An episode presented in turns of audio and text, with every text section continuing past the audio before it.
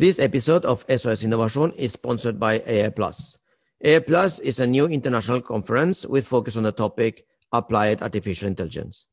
The digital conference was held for the first time on 15 to 17th of September 2020, and the second edition is set to 19th to 20th of May 2021. Hello, and welcome to the featured interview for the AI Plus conference, this year's virtual conference on applied AI.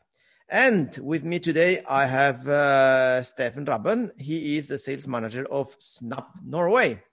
Or um, so, like uh, some of you maybe know, Snap is the uh, parent company of the very famous uh, service Snapchat. Hello, Stefan.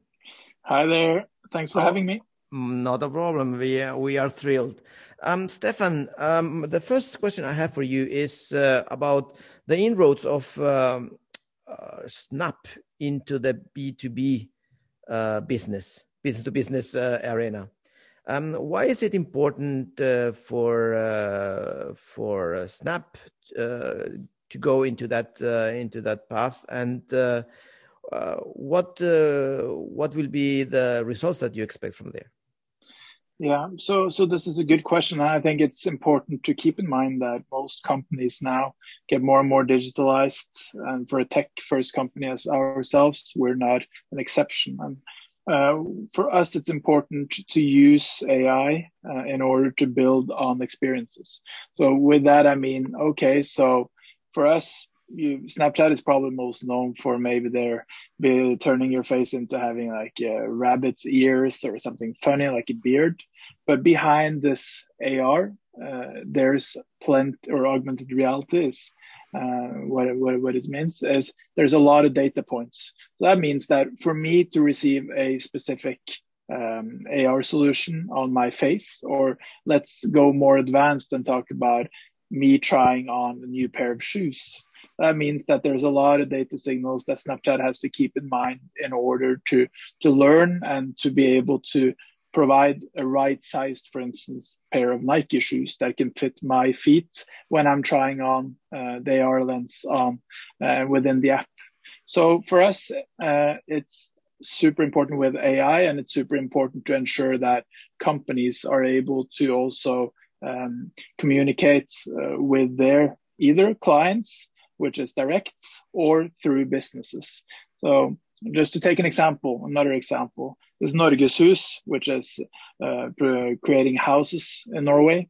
So they've created their own AR lens where uh, where the developers that create the houses, as well as the direct uh, consumers, could test out this AR or the house of how it will be looking in AR. So they can walk around uh, the house in AR and, for instance, go into the bathroom, into the kitchen, and actually um, look at how it will be seeing once it's set up. So this is a prospect and a way for them to showcase what will be uh, created. So a bit of a teaser uh, for the for both uh, the uh, customers, but also the ones that will be actually uh, setting up the house itself. Uh, and in these days without machine learning ai we would never be able to to get the dim- dimensions right uh, or to to put the data uh, streams in place without the applied ai or um, ar into it. Perfect. And then i think it's that it's it's great because on the other hand it accelerates the the path of, of um, or it, it makes the the way um, to the, the path to uh, a decision from the consumer point of view shorter, which right. uh, which is good for the for the business, and uh, at the same time the consumer can be much more uh, reassured on what they are buying. So uh, indeed, it's a it's a win win for both sides. And it's also one of those where you think about it now during COVID times, especially, it's more tricky to actually go out and see that house or to see the prospects. So if you're able to sit at home at your own conven- at your own convenience uh, and checking out that uh, AR house through like uh, a QR code or snap code as we call it, that's just a great way, yeah, to really shorten the distance between being interested and actually and buying. Very good. And uh, and on on other uh, uh, level of things, um, why should you or I why should one uh, be interested in uh, attending the the AI conference this year?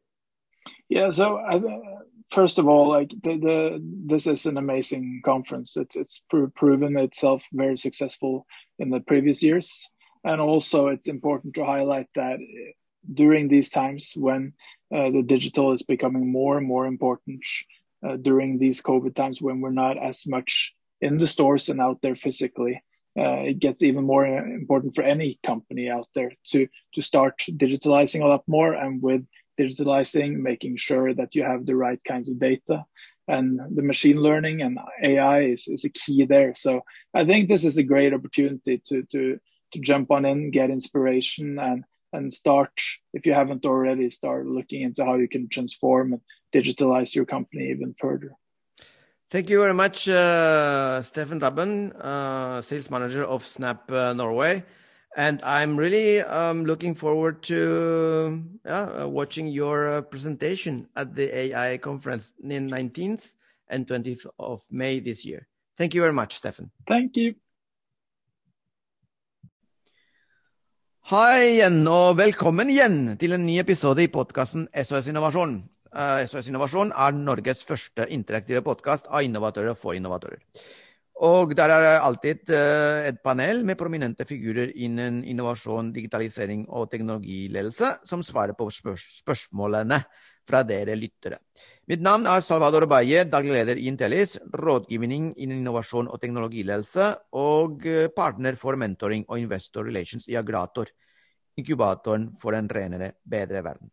Denne gangen Igjen har vi i panelet Arne Morten eh, Wilhelmsen. Han er CEO og co-founder i Bokis.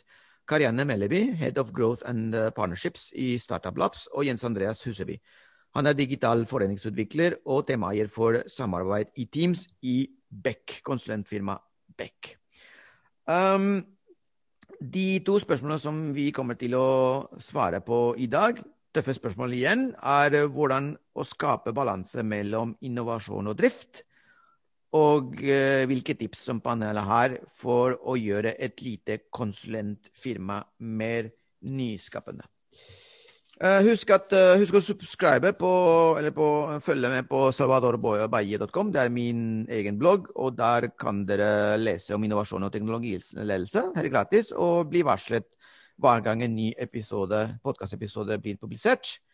Og podkasten kan dere også følge med på Apple Podkast og på Spotify. Dere kan selvfølgelig også sende deres egne spørsmål om innovasjon, teknologi og entreprenørskap, teknologiledelse, til salvadorbaye.com. Uh, dere kan droppe meg en mail, salvador.baye.intelis.no. eller dere kan bruke Facebook-gruppa SOS Innovasjon. Og uten farder ado så kan vi gå direkte på, på spørsmålene. Um, hvordan å skape balanse mellom innovasjon og drift? Og da kan jeg spørre deg, Karianne, som har uh, god erfaring fra både si, gigantiske firmaer, i hvert fall i norsk sammenheng, um, og, uh, og, fra startups uh, i Startup Lab-sammenheng. Hvordan skape balanse mellom innovasjon og drift? Karianne? Ja, det er jo I know. 100 000 kroner spørsmålet. Og det starter med det veldig vanskelige engelske uttrykket, og det er å ha god ambidextrous organizational design. Og det betyr å være må, nettopp, du, må, du må forklare hva det er for noe. det betyr å ha evnen til å gjøre ting med både høyre og venstre hånd. Mm.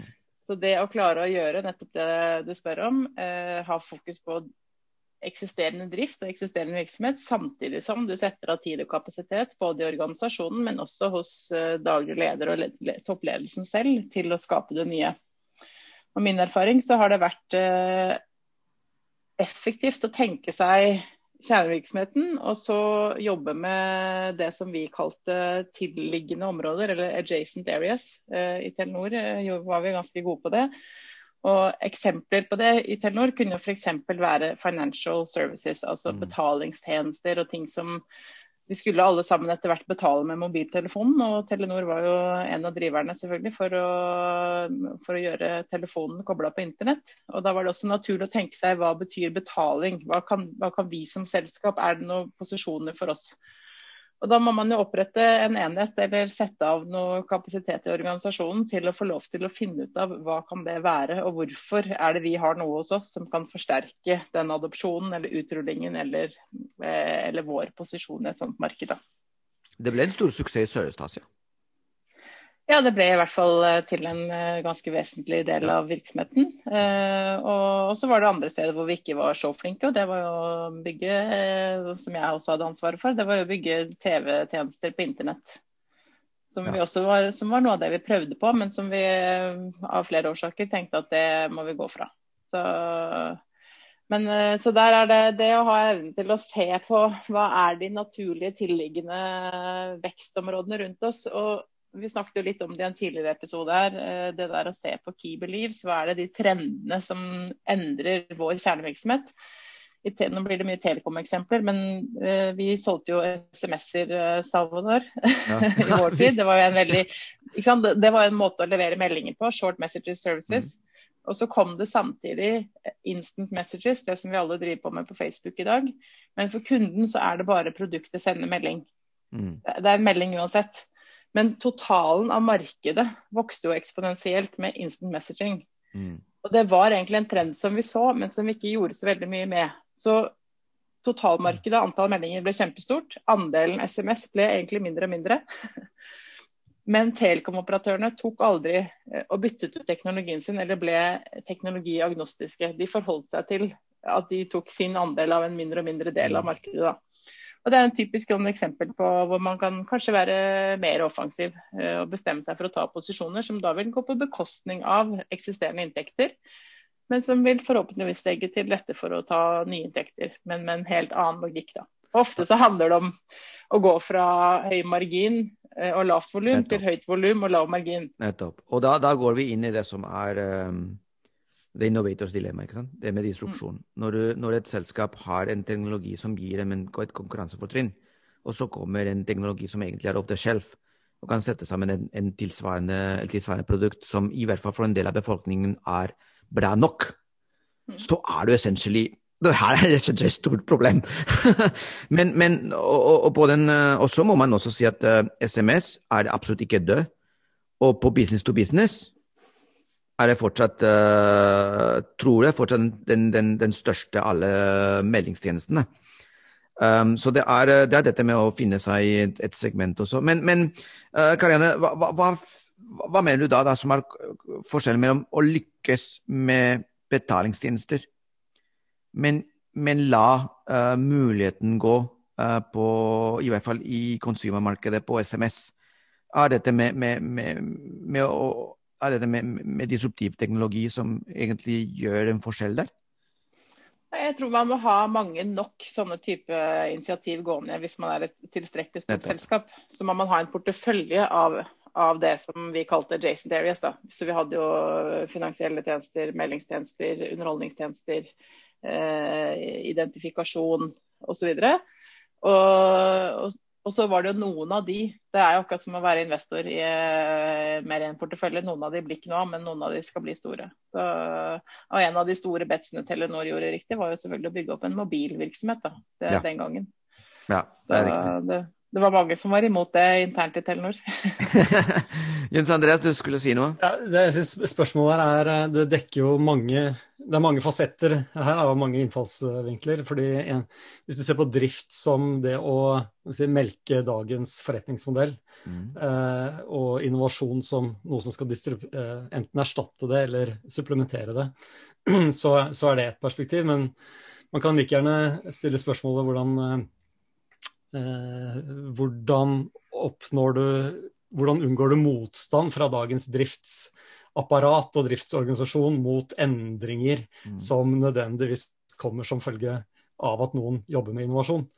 Eh, for der er det en enorm kulturforskjell, og det er forskjellige enheter som gjerne står litt i konflikt med hverandre mm. og motarbeider hverandre. Eh, så det er et spørsmål som må løses. En annen ting er dette med at innovasjon ofte også kan skje inkrementelt i driftsorganisasjonen eller i mm. enheter. At, at, de er frie til å eh, forstå hva de jobber med, og hvordan de selv kan påvirke og forbedre den og gjøre inkrementell innovasjon. Eh, også det Karianne snakket om tidligere, da, at, eh, i en annen episode, at vi at man trenger den der felles forståelsen, hva kalte det, key beliefs? Key beliefs, ja. Det, ja. det, det, det konseptet kommer vi til å ha det forever. Key beliefs, ja. ja. Hvis vi tror at det er endring på gang, så må vi møte den på en eller annen måte, og det bør alle se. ikke sant? Og hvis alle ser den, så, er, så har man da skapt dette rommet. Men det er en, et siste poeng jeg tenkte å ta med her, og det er at uh, at uh, særlig heldigitaliserte selskaper som har fått på plass denne arbeids- eller driftsmodellen da, som heter DevOps, mm. uh, der ligger drift og utvikling i det samme teamet. Ja. Så samtidig som du bygger, you build it, you own it. Du bygger det, du drifter det. Ja. Når du ser at du da, Og da finner teamet selv denne balansen mellom innovasjon og drift. Vi, nå er det viktig å forbedre prosessen, sånn at vi får mer tid til nyskaping. Eh, for det har alle lyst til å drive med. Mm. Og så tar man da en støyt for å rydde opp i prosesser eller optimalisere kode eller hva pokkeren er for noe, for å mm. få mer tid frikjøpt til, eh, fra driftsoppgavene. Helt enig. Uh, og da, nå kommer jeg til å spørre Arne Morten også, men jeg, jeg vil understreke noe du sa, uh, Jens André, som blir veldig mange ganger uh, neglisjert. Og dette med inkrementell innovasjon. Uh, når man snakker om innovasjon, man har en sånn tendens til å tenke radikal innovasjon, og man tenker uh, offcore innovasjon og, innovasjon. Og, det, og, og, når det kommer til, uh, til inkrementell innovasjon, som det er det som bygget Japan på Hele den japanske industrien etter andre verdenskrig ble bygget på inkrementere innovasjon og quality assurance der er uh, etablerte selskaper uslåelig, rett og slett. Jeg har en morsom, de hvis, jeg, hvis jeg kan komme med en morsom historie fra Avinor og Gardermoen, alle har forhold til Gardermoen. Bagasjeanlegget på Gardermoen ja. driftes av eh, flyplass pluss flyselskap eh, som mm. jobber sammen. Mm. Eh, folk som sjauer da kofferter. De har også eierskap til kopier knyttet til hvor lang tid det tar å flytte en koffert fra et sted til et annet. Eh, de hadde eh, press på seg fra eh, forretningssida om hvor fort dette skulle gå. Jeg skal bruke tre minutter, jeg mm. husker ikke hva det var, men x antall minutter, sånn at vi får fylt opp rutene som vi har planlagt på hovedkontoret i flyselskapet vårt. Mm. Det som skjedde der, var at de eh, fikk jobbe og fikk eierskap til hvordan selve eh, bagasjen flytta seg. Altså selve logistikken selv. Nettopp fant en måte å gjøre ting fortere på, eide den prosessen, skapte den inkrementelle innovasjonen og kunne gå tilbake igjen til hovedkontoret sitt og si nå kan vi fly raskere. Nå kan vi sette opp avgangen tidligere. Nettopp. Så, så, så, skal, så flytte ansvaret for innovasjon til uh, KPI-er som, som, er koblet til kjernevirksomheten, som da uh, er ansvarlig for å, for å levere en, en uh, Og, disse, den, den, kjernevirksomheten og deler av den må være ansvar for å levere de kopiene til ledelsen og uh, mm. berende eierne. Nemlig. Du utlø altså det å distribuere muligheten til å skape inkrementell innovasjon ut til driftsorganisasjonen, de som sitter nære problemet, så får du de løsningene. Og det er noe annet enn en top down-innovasjon man ofte ja. ser da, i etablerte virksomheter. Veldig bra. Uh, Arne Morten, du er i, i en startup. Dere lanserer masse produkter, masse ideer, samtidig som dere har drift. Hva, og dere er en liten, en liten organisasjon. Hva er deres hemmelighet? Ja, nei, altså, Nå snakker vi veldig fra sånn uh, store, altså sånn corporate innovation-sammenheng, de, de, uh, de, innspillene som, blir, som, kommer her. og Det er selvfølgelig mye som også appliseres til startups. Men for å ta et sånn lite eksempel fra Bookis, uh, som, så er det sånn Når man har få ressurser, så sliter man jo også med det å være en enkeltperson, balansen mellom drift og utvikling, eller drift og innovasjon. Mm. Hvordan skal du, hvordan skal du f.eks. hos oss hvordan skal vi eh, greie å, å eh, utvikle kundeservicen vår? Og ikke bare sitte og ta imot henvendelser og bli helt nedlessa. Ikke sant? Og, så den, den her, eh, mekanikken her fungerer jo også litt sånn på mikronivå. Um, og um, et veldig godt eksempel er Jens sier. for hos oss f.eks. på kundeservice så er det en mål om å få ned antall henvendelser per transaksjon. Mm. OK. Um, hvordan, skal vi, hvordan, skal vi, greie å oppnå det? Jo, det, det er selvfølgelig du, du, det er jo et, det er jo, Drifta er jo å ta og, og håndtere henvendelsene. Mm. Men, um, men utviklinga handler jo om å få ned antall henvendelser per transaksjon. Så Det er en sånn Mm. balanse, og man må hele tida da strekke seg i retning av utvikling for å, å greie å oppnå de kopiene man, uh, man har. Så, um, mm. Veldig bra. Kjempefint. Uh, da kan vi gå over til uh, spørsmål nummer to i dag. Og det er, det er veldig, veldig hva kan jeg si, konkret og spesielt spørsmål, men hva kan jeg si? Jeg kan ikke si nei til folk bare fordi de spør. Veldig konkrete og, og nisjepreget spørsmål. Men hvordan, har dere noen tips for å gjøre et lite konsulentfirma mer nyskapende? Jens Andreas, du jobber i, i Beck. Dere har ikke alltid vært så store som dere er nå. En gang var dere også et lite konsulentfirma. Hvordan, og dere er veldig nyskapende. Så hvordan, eh, hvordan klarte hvordan, du, no, du er relativt ny der, men har du, har du hørt historier om uh, hvordan Beck ble til Beck? Jeg skal faktisk få eh, presentert litt av den historien nå på fagdagen nå etterpå. Men det, okay. er, også, det, er, det er også noen det er også noe av nøkkelen. Da. Det handler jo om vi, vi, har snakket litt om det i en tidligere episode også. Altså det handler om en kultur eh, som man må bygge. Uh, og by, uh, altså Hva som definerer kultur, er jo også et, er et svært tema, men det handler jo om alt fra rekruttering og, og sånt, men det handler også om hvordan du uh, Hvordan er det du interagerer i hverdagen. Så hva er, hva er det som definerer kulturen da, i dette lille selskapet? Hvordan er det man snakker om ting, hvordan man snakker om kundene, hvordan er det man snakker om hverandre? Hvilke insentivstrukturer er det du har? Eh, og få vridd det over på å, å, å være mer utforskende og, og, og, lærende og nyskapende. Ehm, jeg kan se for meg at et lite selskap, litt avhengig av at, hvor de er i, i, verden, men jeg kan se for meg at de eh, jobb, er i en fase da, hvor de jobber mye med eh, å bygge opp en kundebase eller, eh, eller eh, veldig fokus på inntjening. Eh, som kanskje kan gå i, eh, på tvers med det å bygge et selskap som har et overskuddet, da, kanskje til å, å fokusere på kompetanse, eh, kompetansedeling. Eh, det å, å skryte hverandres seire opp. eh, eh, ja lage den delingskulturen da, som ligger, eh, må ligge til bunn i en, i en eh, nyskapende kultur. Karianne? Du... Jeg tenkte jeg skulle gi to, eh, to eksempler jeg, på to små konsulentselskaper Yay! som den som har spurt uh, dette spørsmålet, kanskje syns det er gøy å følge med på. Uh, Endrava er et lite selskap som driver med først og fremst klimaregnskap. Men de har parallelt med det utviklet en uh, et analyseverktøy for å få oversikt over karbonutslipp, med den hensikt å levere tilbake til det norske samfunn som skal drive med karbonfangst. Så Hvor i Europa er det det finnes store karbonutslipp, som gjør det effektivt å hente med et skip og frakte det til vårt karbonfangstanlegg. Eh, og Det har jo de gjort som, en, eh, som, et rent oppdrag for noen, men har da fått anledning til å bruke den teknologien videre som en del av innsiktsarbeidet sitt i andre mm. klimaregnskapsoppdrag eh, som de får som konsulenter.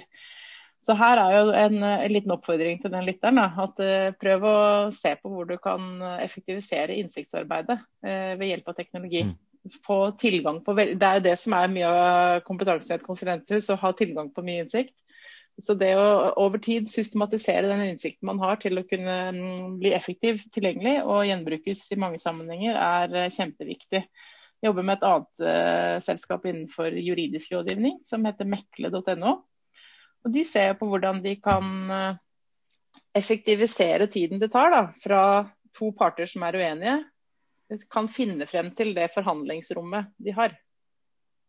Ved hjelp av teknologi. Det er ambisjonen. Så Mekle.no er også et veldig spennende konsulentselskap, men som jobber med, med rene tvisteløsninger for, uh, for, både for privatmarkedet, men også for bedriftsmarkedet. Og det, og det er, kanskje det kan være til inspirasjon. Da. Det er kjempebra, og det eksempelet er nok et eksempel på hva kan jeg si? Um, det er både good news og bad news for advokatbransjen.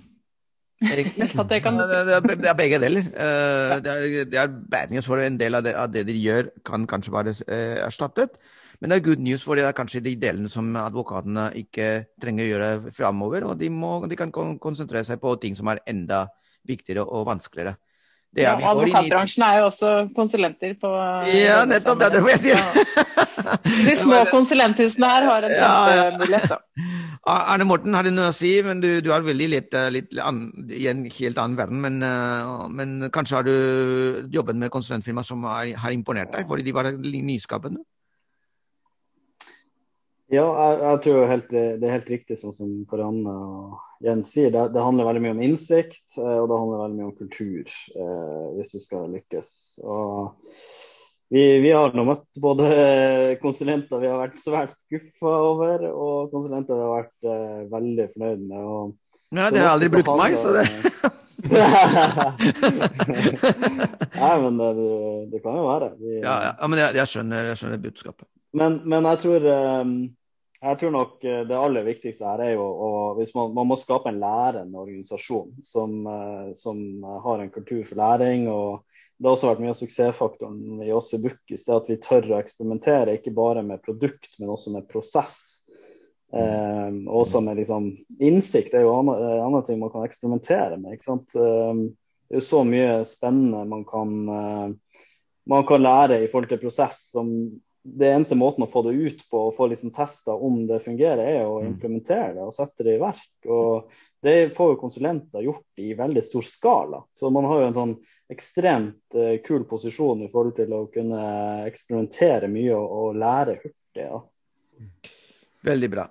Tusen takk uh, for, uh, for, denne gangen. Um, hvis du vil vite mer om disse temaene, eller du opplever en konkret problemstilling rundt innovasjon, teknologi og entreprenørskap, teknologiledelse, um, foreningsutvikling, som du lytter uh, vil diskutere med meg, du kan alltid ta kontakt uh, på salvadorbaye.com. eller du kan sende meg en mail, salvador.baye.interis.no. Og dere kan på bloggen min salvadorbaye.com så kan dere se også eksempler av min aktivitet som rådgiver, coach, foredragsholder og konferansier. Og eh, takk til dere i panelet. Um, Arne Morten Wilhelmsen, Karianne Melleby og Jens Andreas Huseby. Um, husk å abonnere på podkasten. Apple Podkast eller uh, Spotify. Og uh, nå er det tid inne for dagens featured. Takk skal dere ha. Hei da, og da Hei igjen. Og da er vi i uh, seksjonen featured. Vanligvis er det en startup uh, som vi presenterer, eller jeg presenterer, i podkasten SOS Innovasjon. Og i dag har vi selskapet Vershabat med de to gründerne i selskapet, Tore Skjervheim og Jesper Schweitz. Hallo, gutter. Hallo. hallo, hallo. Ja, Er dere glad for at dere er, i, er med i SOS Innovasjon? ja, det er spennende. Det er Veldig bra. Um, innovativt. Veldig bra. Da går vi rett på sak. Uh, hva er Vershabat egentlig? Kan dere beskrive det veldig kort? Ja, eh, vi er et norsk eh, teknologiselskap som har ferdigutviklet en batteripakke, bærbar batteripakke kalt Versabat. Og vi skal inn i serieproduksjon i Norge nå fra i mai. Og dette er byggesteinen i et større energilagringssystem som vi holder på å utvikle. Ja, Um, og, og, det, og, og Versabat kommer sannsynligvis fra Versatile og batteri? Det er ja. helt riktig. ja, veldig bra. Um, og uh, hva, hva, bringer egentlig dere til bords i denne batterirevolusjonen vi er midt i? Hva, hvilken verdi bringer dere egentlig til, deres, uh, til kundene deres? Vi bringer en uh, versatilitet for bruken av batterier, så man ikke låser en pakke til et produkt. Eksempelvis så kan du bruke batteriet i hytte, bil, båt, camping eller annet som trenger strøm, uten du har tilgang til 220, 230 volt nett. Ok. Og det betyr at det, egentlig det, dere har en sånn transportable løsning på, på bat i batteriverden? Det er det dere ja, egentlig har, bidrar med? Ja, vi har en ganske energitett pakke som er ganske lett, som kan flyttes rundt på uten at man ødelegger ryggen ah, eller andre. Og, og, og um, hvilke, hvilket kundesegment går dere først uh, for? Akkurat nå så har vi jobber mot anleggsgartnere og den type øh, industri. Så vi jobber veldig mot uh, business to business.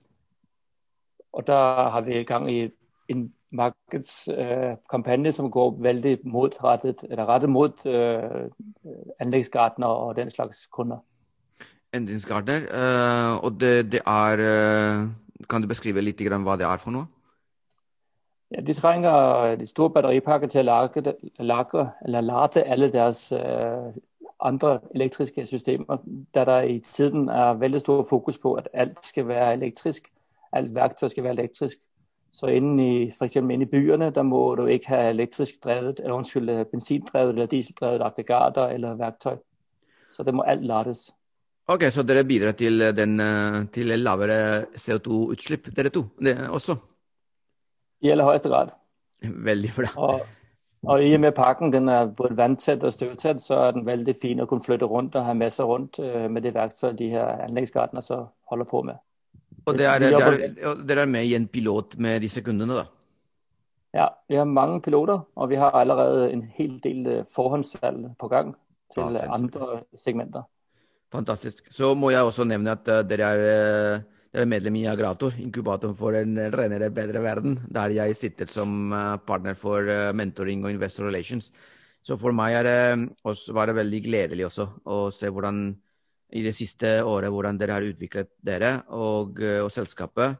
Og ikke minst uh, verdiøkningen i, i Versavat, som har vært helt, uh, helt vill. Um, hva er deres, eh, hva er deres planer fremover eh, i, med Versabat?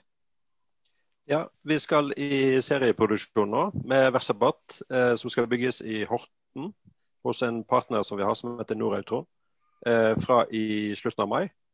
Vi gjør sertifisering hos Dekra i Nederland før vi går ut i produksjon, sånn at vi sikrer at produktet er til den beste kvalitetsstandard som finnes i Europa. Eh, så begynner vi salget. Så vi har solgt ca. 30 systemer så langt eh, for leveranse. Forhåndssolgt. Og vi jobber med flere salg. Eh, og så har vi også begynt å utvikle et nytt, større produkt mot residential, eller huseiermarkedet. Som kommer til å skille seg ut fra eksisterende produkter som finnes i markedet i dag. og dette her kan også gå ut i bedriftsmarkedet etter hvert. Mot større firmaer og håndverkere og forskjellig. Hvordan skilles uh, det produktet ut fra andre uh, i residential-markedet? Ja, eh, Det gir en fleksibilitet som du ikke har i dag. Du vil få mulighet til å bruke kan du si, hjemmebatteriet ditt til forskjellige formål, som uh, f.eks. båt. ta med på hytta, ta med i skogen. Så det er et sånt aktivitetsbatteri som samtidig er tilknyttet huset ditt. Så du får flere, flere verdi forslag da, ut fra batteriet. Veldig bra. Og jeg forstår at dere er i, midt i en sånn uh, pengeinnhentingsrunde? Ja, det, det, er riktig. Så vi er, vi er i en prosess med ansettelse av nye folk. Og vi har nummer fem startet i vårt team her i mandags. Og så derfra skal vi fortsette med å øke teamet. Og Samtidig så har vi startet en prosess med å hente inn 35 millioner kroner for å kunne utvikle våre nye produkter, som Tore akkurat nevnte. Og så satse videre i Norden og mot Tyskland, som er et ekstremt stort marked i tillegg. Kjempebra.